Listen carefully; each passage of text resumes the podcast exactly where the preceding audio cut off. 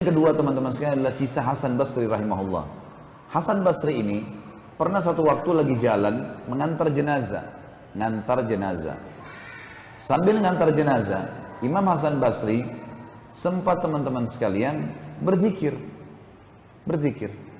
Subhanallah, Alhamdulillah, wala ilaha illallah, Allahu Akbar. Ada anak muda di sebelahnya nanya, wahai imam, kalau imam kita sekarang kiai, wahai imam, kenapa anda berzikir?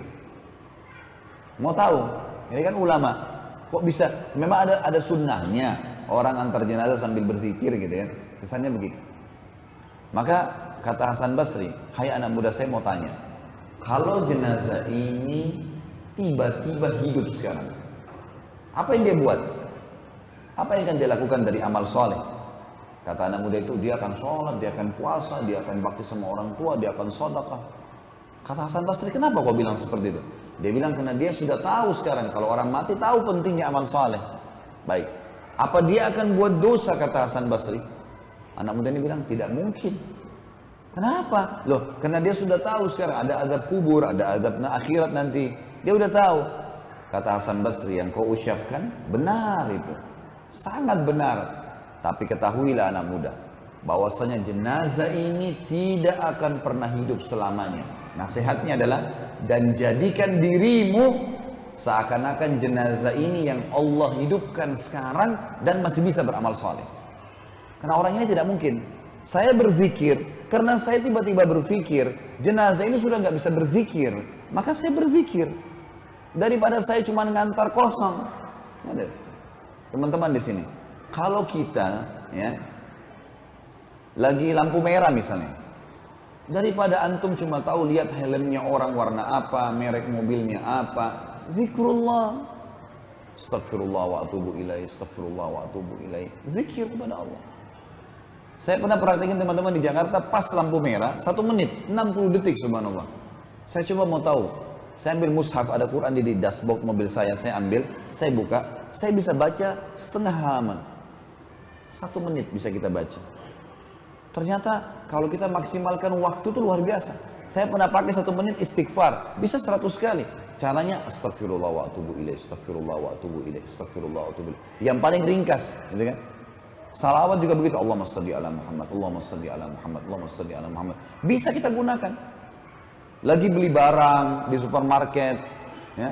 Bahkan teman-teman saya didik diri saya, saya coba diri diri saya dan saya sampaikan ke jemaah saya di Jakarta Teman-teman sekalian, buka baju saja dan mau pakai baju, itu bisa dapat pahala. Zikir. Dan kalau bisa fokus di dua saja, astagfirullah dan alhamdulillah. Astagfirullah bersihin dosa, kesalahan kita. Alhamdulillah, password nambah nikmat. Itu saja. Alhamdulillah, alhamdulillah, alhamdulillah. Terus ucapkan kalimat itu. Isi dengan ibadah teman-teman. Syekh Bimba salah satu ulama di Saudi, mufti Saudi, itu diceritakan oleh murid-muridnya, mereka mengatakan Syekh bin Bas ini kalau terima teleponnya orang, sambil dengar orang bilang apa ngeluh, sambil berzikir. Lidahnya nggak diam. Astagfirullah wa Sambil orang ini ngomong, nanti dia diam kalau dia sudah jawab. Gak ada waktu untuk diam nih. Ucapin sesuatu, pahala.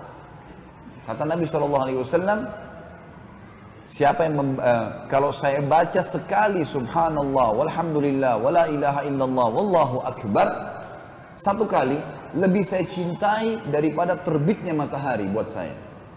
Terbit matahari sekarang semua manusia bisa aktivitas, terang begini, itu lebih saya cintai, saya baca sekali daripada itu.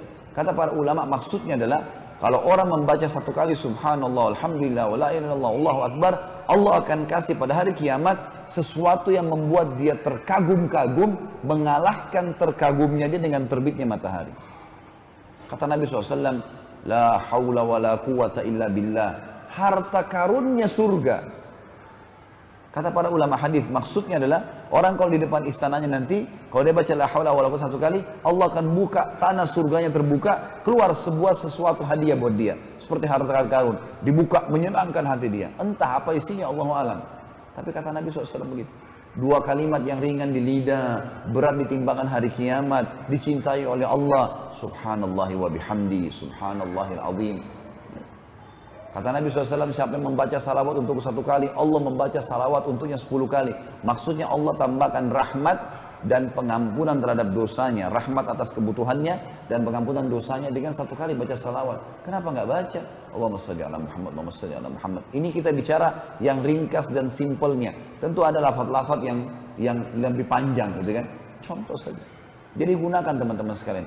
Ini nasihat Hasan Basri yang sangat berharga sekali. Bagaimana dia memberikan nasihat kepada anak muda tadi.